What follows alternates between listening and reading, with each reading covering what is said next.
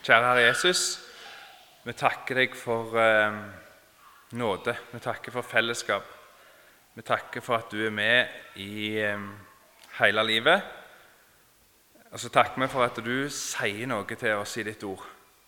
Takk for at du oppdrar oss, at du lærer oss noe.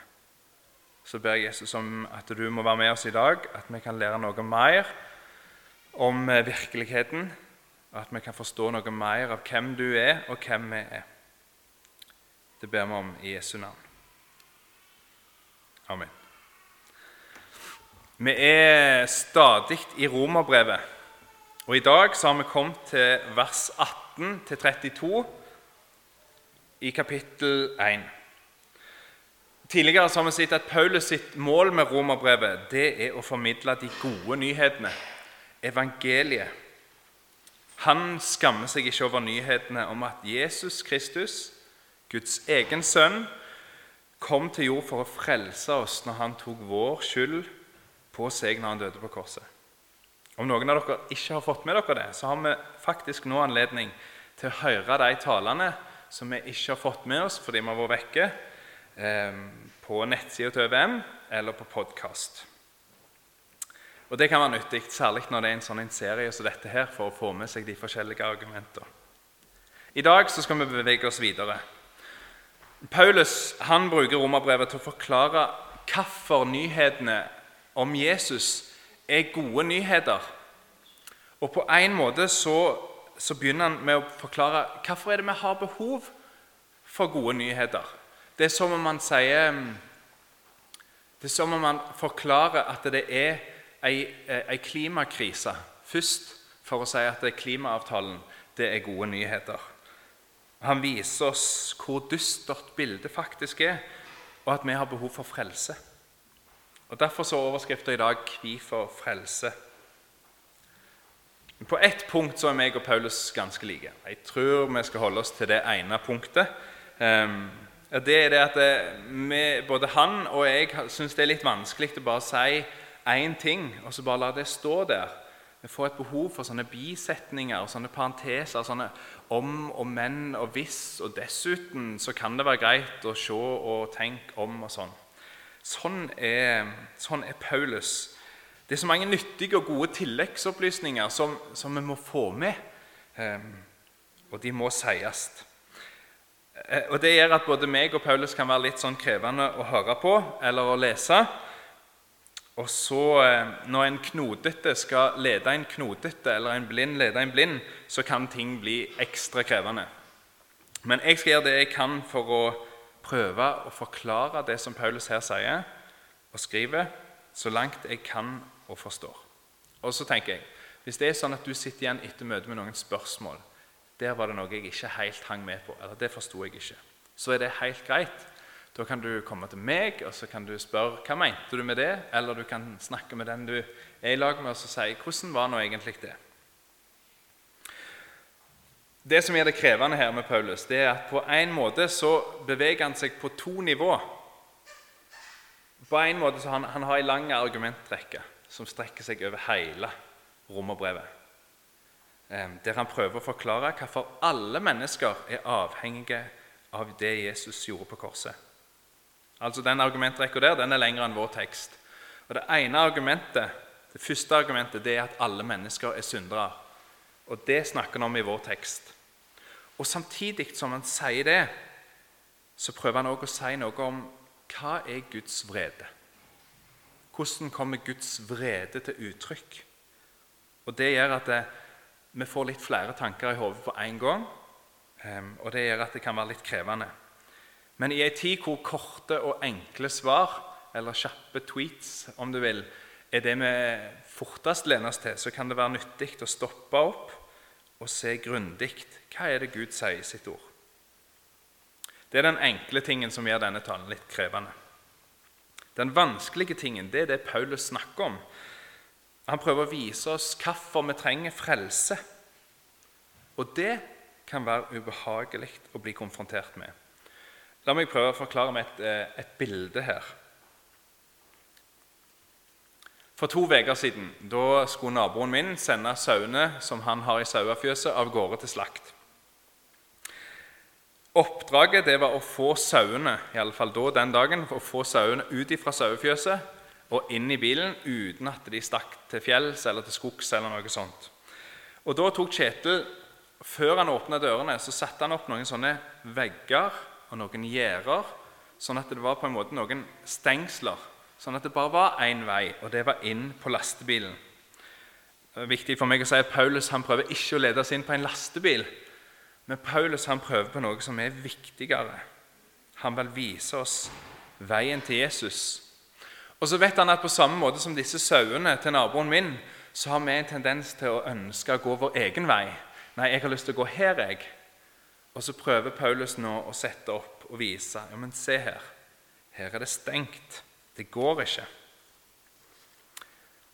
Hvis du da har god fart, og du springer på et gjerde, eller du blir konfrontert med denne sannheten som Gud viser oss, så kan det være vondt og ubehagelig. Og jeg tror det er mest smertefullt første gangen du møter det. Men endemålet til Paulus det er at han skal vise oss at vi kan komme til Jesus og hans frelse, og at den er tilgjengelig for oss. Han har gjort alt. Og Da må han først introdusere oss for noen ubehagelige sannheter. Med den litt lange innledningen så skal vi se på disposisjonen før vi leser teksten i lag. 1. Hvem blir Guds vreide åpenbar over? 2. En viktig parentes. 3 Å bli overgitt til seg sjøl. 4. Guds dom. I dag er det en tale til hodet vårt og til hjertet vårt. Vi skal lære noe. Noen ganger er det noe som leder veldig ut i hendene, men i dag skal vi stoppe opp og så skal vi lære noe. Paulus vil forklare oss hvordan ting henger sammen, og hva sannheten om Gud og mennesker er. Da leser vi teksten i lag. Guds fredde blir åpenbara fra himmelen over alt ugudelig og all urett hos mennesket som holder sanninga nede i urett. For det en kan vite om Gud, ligger åpent framfor deg. Gud har sjøl lagt det åpent fram. For Hans usynlige vesen, både Hans evige kraft og Hans guddom, har mennesker kunnet se og skjøne av gjerningene Hans, helt fra verden ble skapt. Derfor har de ikke noe å unnskylde seg med. De kjente Gud, men likevel æra og takka de han ikke som Gud. Med sine tanker enda de i det som ingenting er, og deres uforstandige hjerte vart formørkte. De påsto at de var kloke, men de enda i dårskap. De bytte ut den uforgjengelige Guds herligdom med bildet av forgjengelige mennesker, av fugler, firfødte dyr og krypdyr de fulgte lystne i hjertet. Derfor overga Gud dem til uregnskap, slik at de vanna kroppen sin med hverandre. For de bytta ut Guds sanning med løgn og dyrka og æra det skapte i stedet for Skaperen, Han som er velsigna i all eve. Amen. Derfor overga Gud dem til skammelige lyster. Kvinnene deres bytta ut det naturlige samlivet med det som er imot naturen. Og På samme måte holdt mennene opp med det naturlige samlivet med kvinner og tok til å brenne av lyst etter hverandre. Menn drev utukt med menn, og de bar sjølve den straffa som måtte komme for villfaringa. De brydde seg ikke om å kjenne Gud. Derfor overga Gud dem til ei sviktende dømmekraft, så de gjør slikt som ikke sømmer seg. De er fulle av all slags urett, umoral og lyst til alltid å eie mer av vondskap, misunning og mordlyst, strid, svik og list. De, sver, de fer med sladder og baktale. De hater Gud og bruker vold, er hovmodige og skrytende. De er gode til å finne på vondt og ulydige mot foreldre. De er uvitige, upålitelige, ukjærlige og uten miskunn. De veit hva Guds lov sier, at de som driver med slikt, fortjener å dø Likevel gjør de ikke det bare sjølve, men de roser òg andre som gjør det. Menneskets store problem, svaret på hvorfor frelse, det er at Gud han er den rettferdige dommeren som en dag skal dømme hele verden. Alt som er ugudelig, alt som er imot hans vilje, og alt som er urettferdig, det skal få sin dom. Paulus han skriver at vi mennesker vi kan holde sannheten nede i urett. Kort sagt så betyr det at vi vet hva som er det gode, hva som er det rette og det beste, og så går vi den andre veien. Og det, det er ikke bare å gjøre noe galt, sier Paulus, men det er å fornekte sannheten. Vi er kalt til å gjøre det som er sant og godt og rett her i verden.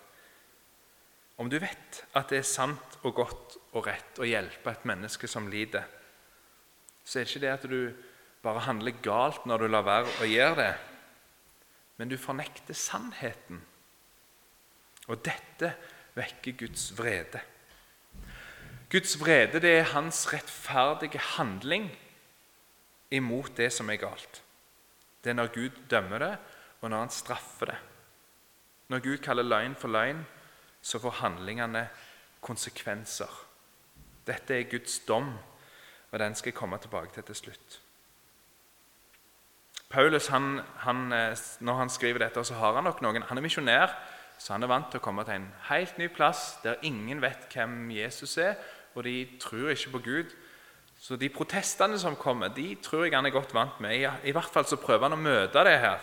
Det er litt som, litt som når du korrigerer en fireåring uten å utlevere enkeltpersoner, eh, så kan de svare Ja, men jeg, jeg, visste jo ikke Jeg var jo ikke klar over at det var galt av meg å, å ta det godteriet, selv om det var Alma Sofie sitt. Det, jeg visste ikke det.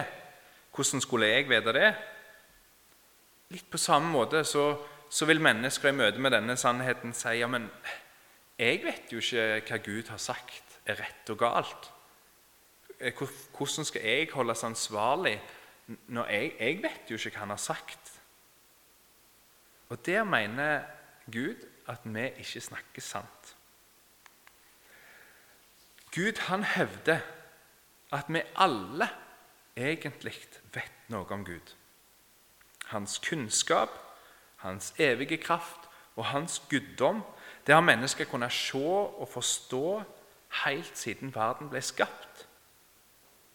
Her er påstanden altså at det mest naturlige som finnes, det er å tro på Gud og tro på sannheten og kjenne til Ham. Paulus han hevder at det er naturlig at vi å tenke at vi alle en dag skal svare for vår Gud.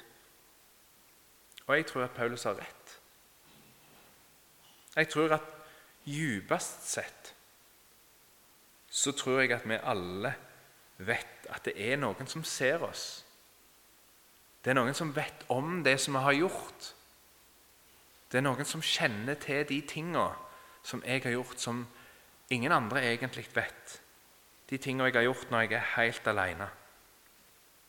Intuitivt så vet vi mennesker noe om hva som er rett, og hva som er galt. Og vi vet når vi har gått over en strek. Vi blir etter hvert flinkere til å på en måte si ja, men hallo, og unnskylde og forklare hvorfor det egentlig var greit at vi gjorde det. Men jeg tror at alle vi mennesker i vår samvittighet, som ikke er en nyre eller et hjerte eller et organ i kroppen, men som alle mennesker har, den kan ha blitt påvirka i god eller i dårlig retning gjennom oppdragelse og oppvekst. Men grunninnstillingene i den samvittigheten som vi alle har, det er at vi vet at det er noe som er rett, og det er noe som er galt. Og så er jeg klar over at dette er en større filosofiske diskusjoner. Vi kan drøfte forskjellige perspektiv og måter å møte dette her på. Men, og Det kan vi gjerne gjøre, men akkurat nå så er ikke Paulus opptatt av å bruke mer tid på det. Han bare slår fast at alle mennesker vet noe om sannheten. Og når en handler imot den sannheten, da er det det samme som å holde sannheten nede i urett. Og dette påkaller Guds vrede. Gud han finner seg ikke i det. Det er ikke greit, og han skal rette det opp. Og det er noe som vi egentlig gleder oss over. At Gud er sånn. At de tingene som er blitt gjort galt imot meg, det skal få et oppgjør. Det skal bli gjort opp. Det urettferdige skal bli ordna. Og så er det mer ubehagelig når det er våre handlinger som skal gjøres opp og som Gud skal dømme.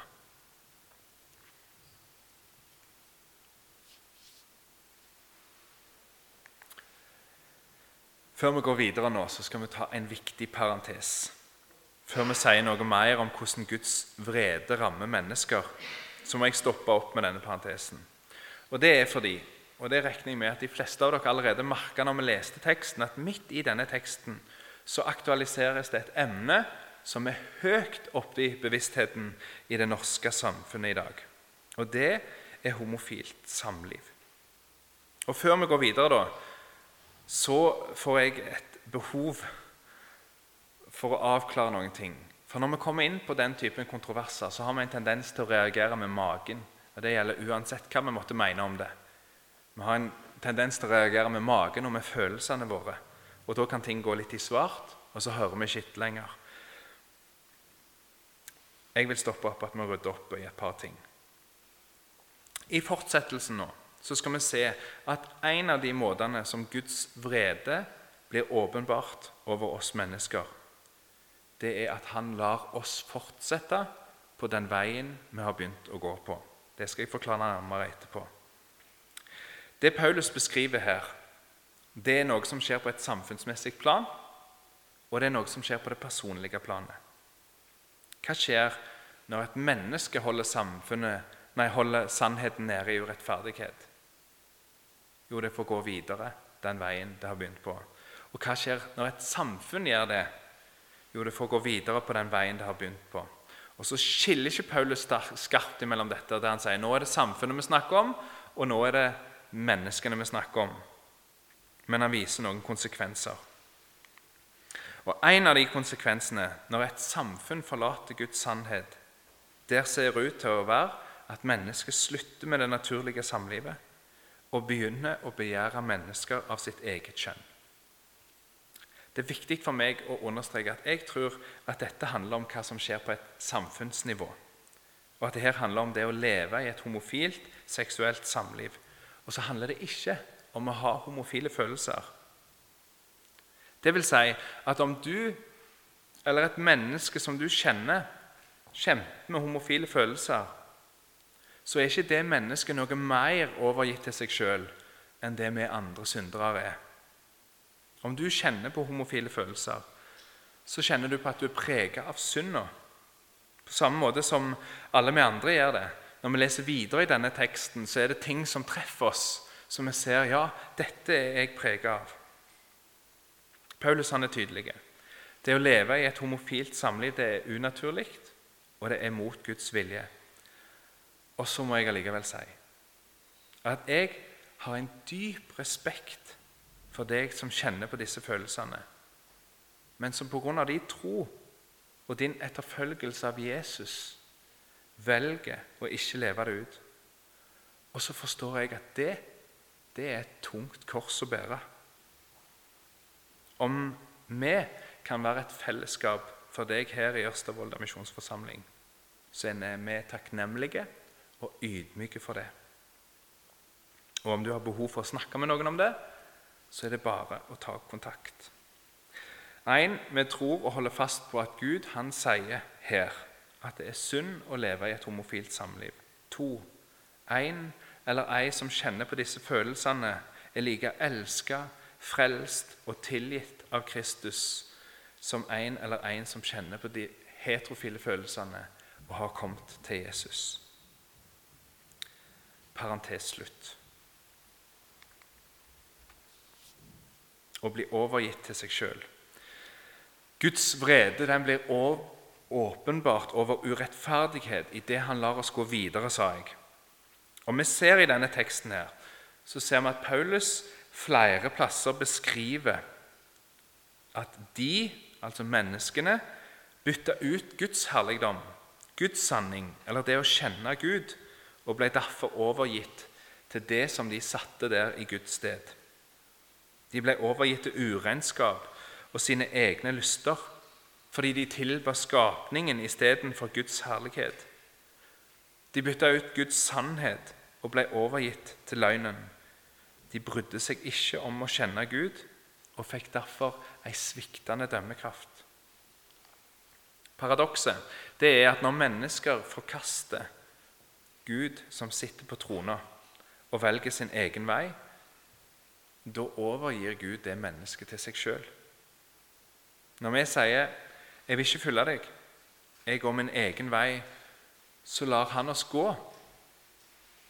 Han tvinger ingen, men han vet at den veien vi går, den er ikke god for oss.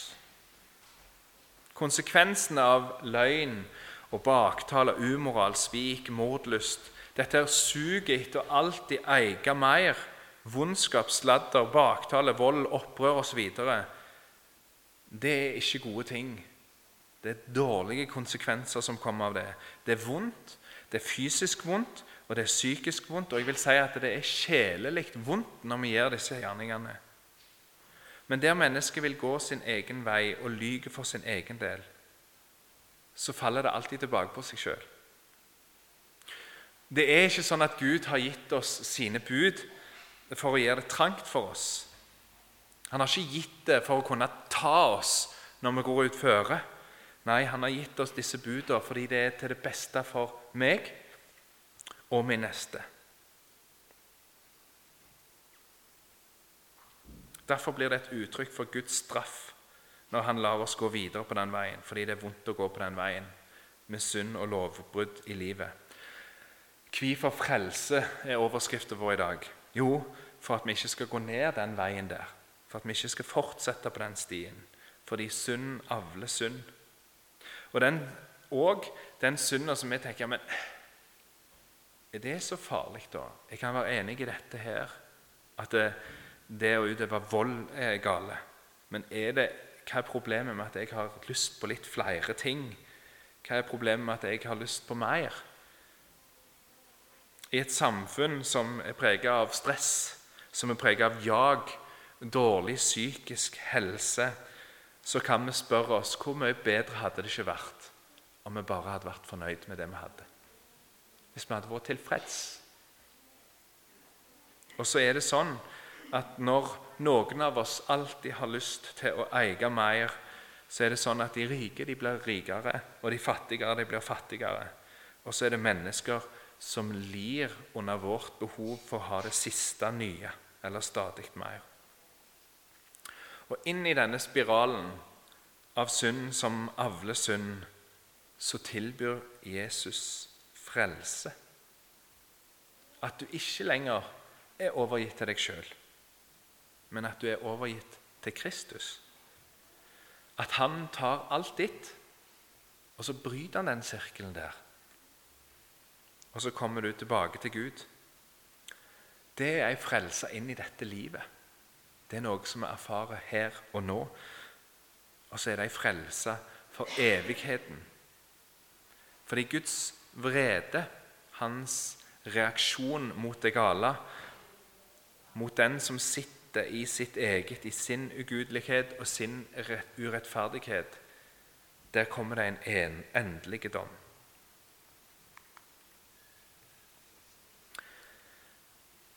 Kanskje tenker du at det skurrer litt, dette her. At du kjenner mennesker som har fornekta Gud, som har sagt 'Jeg har ikke lyst til å følge Jesus', men de har likevel ikke glidd inn i et sånt mørke eller blitt forferdelige mennesker. Kanskje du tenker 'Ja, men eh, disse er nå ikke sånn'. Det ser nå ikke ut til at det er noe farlig å leve et liv vekke fra Jesus. Og Den erfaringen den hadde David òg. David han var frustrert. Kong David i Det gamle testamentet han var frustrert over å se ugudelige som fråtsa, som utnytta andre mennesker, som ikke brydde seg om Guds lov i det hele tatt, men som tilsynelatende hadde det helt fint. Ja, de hadde, det, de hadde det bedre enn han, bedre enn David sjøl, som ville følge Gud. Her leser vi i Salme 73. For jeg var misunnelig på de håndmodige. Jeg så at de gikk de urettferdige vel. De er uten plager til sin død. Magen er god og mett. De lir ikke som andre mennesker. De blir ikke plaga som andre folk. Og Så beskriver han videre hvordan dette tærte på David når han så at han som ønsket å følge Gud, han som ønsket å følge han lei, og så så han noen andre som hadde det helt topp, men som ikke fulgte han. Og så sier han mot slutten så tenkte jeg etter. Jeg ville skjønne dette. Det var pinefullt å se helt til jeg gikk inn i Guds helligdom. Da skjønner jeg hva for framtid jeg får. Ja, du fører dem ut på glatte veier. Du får dem til å falle og bli knuste. Brått går de til grunne. Det er slutt. De ender i redsle. De er som en drøm når en våkner. Du forakter synet av dem når du reiser deg, Herre. Guds vrede det har et endelig uttrykk. og Det ser vi ikke her i dag. Men det skal vi se den siste dagen, når vi alle en dag skal fram for Hans domstol. Da skal du svare for dine handlinger, og så skal jeg svare for mine. Verden den kan virke urettferdig, men alt skal bli gjort opp den dagen om om du ikke fikk den saken gjort opp for 2000 år siden, når Jesus døde på korset og tok de straff, verdens synd på seg, der Guds vrede rammer han, for at hver den som tror på han, ikke skal gå fortapt, men ha evig liv. Og Her stopper vår tekst. Og Så fortsetter han videre. Og heldigvis skal ikke vi stoppe her, men vi òg skal videre. Men det Paulus ønsker at vi skal lære i dag, det er hvorfor frelse. Fordi mennesket er syndere, og fordi det kommer en dom. Far i himmelen, vi takker deg for at du eh, møter oss eh, og oppdrar oss og lærer oss om de sannhet takker deg for at din lov er god. Så takker vi deg for at du ønsker å lede oss til deg. Far i himmelen, vil du være med oss eh, i den tida når vi tenker på dette her? Når vi tar det inn over oss hvordan vi er, og hvordan mennesker er, og at det kommer en dom. Vil du hjelpe oss å snakke i lag med deg mens vi tenker over det og grunner på det? Og så ber vi om at vi må få se det klart, det som du har gjort for oss, så vi kan tro i tillit. I Jesu navn. Amen.